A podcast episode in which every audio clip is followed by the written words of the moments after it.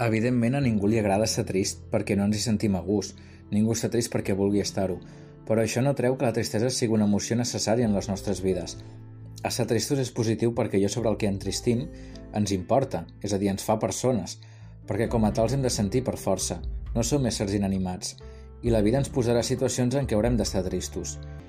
A més, una tristesa sincera, real, acaba sent positiva perquè desperta l'empatia en els demés, és normal que estiguem tristos si hem perdut algun familiar estimat, si hem estudiat molt per una prova i al final hem tret mala nota, o si hem discutit amb un amic i ara ja no parlem amb ell, però al mateix temps tot això també ens ha de servir per adonar-nos d'aquella gent que està amb nosaltres en els moments difícils i al cap i a la fi que ens mereix.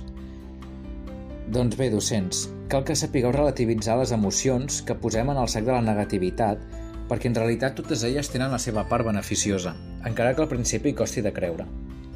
Això és molt important que ho aprenguin els nens i nenes. Aleshores, en aquest cas particular, com podem treballar la tristesa a l'aula? Doncs mireu, hem de partir de la base que hem de sentir, hem d'emocionar-nos i sobretot expressar-nos.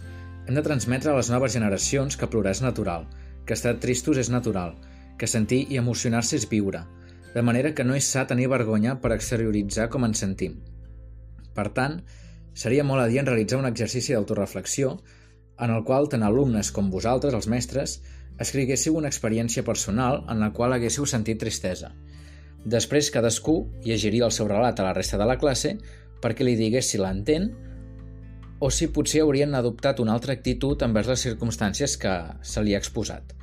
Així normalitzaríem parlar de les nostres emocions i el fet de compartir-les ens podria ajudar a sentir-nos identificats amb altres persones i obrir-nos més i amb major facilitat, a la vegada que també podríem aprendre noves formes de regulació i gestió emocional per afrontar i superar millor els reptes del dia a dia. Doncs bé, fins aquí el nostre primer episodi de les emocions. Esperem que us hagi agradat i no dubteu en continuar escoltant-nos en els següents capítols.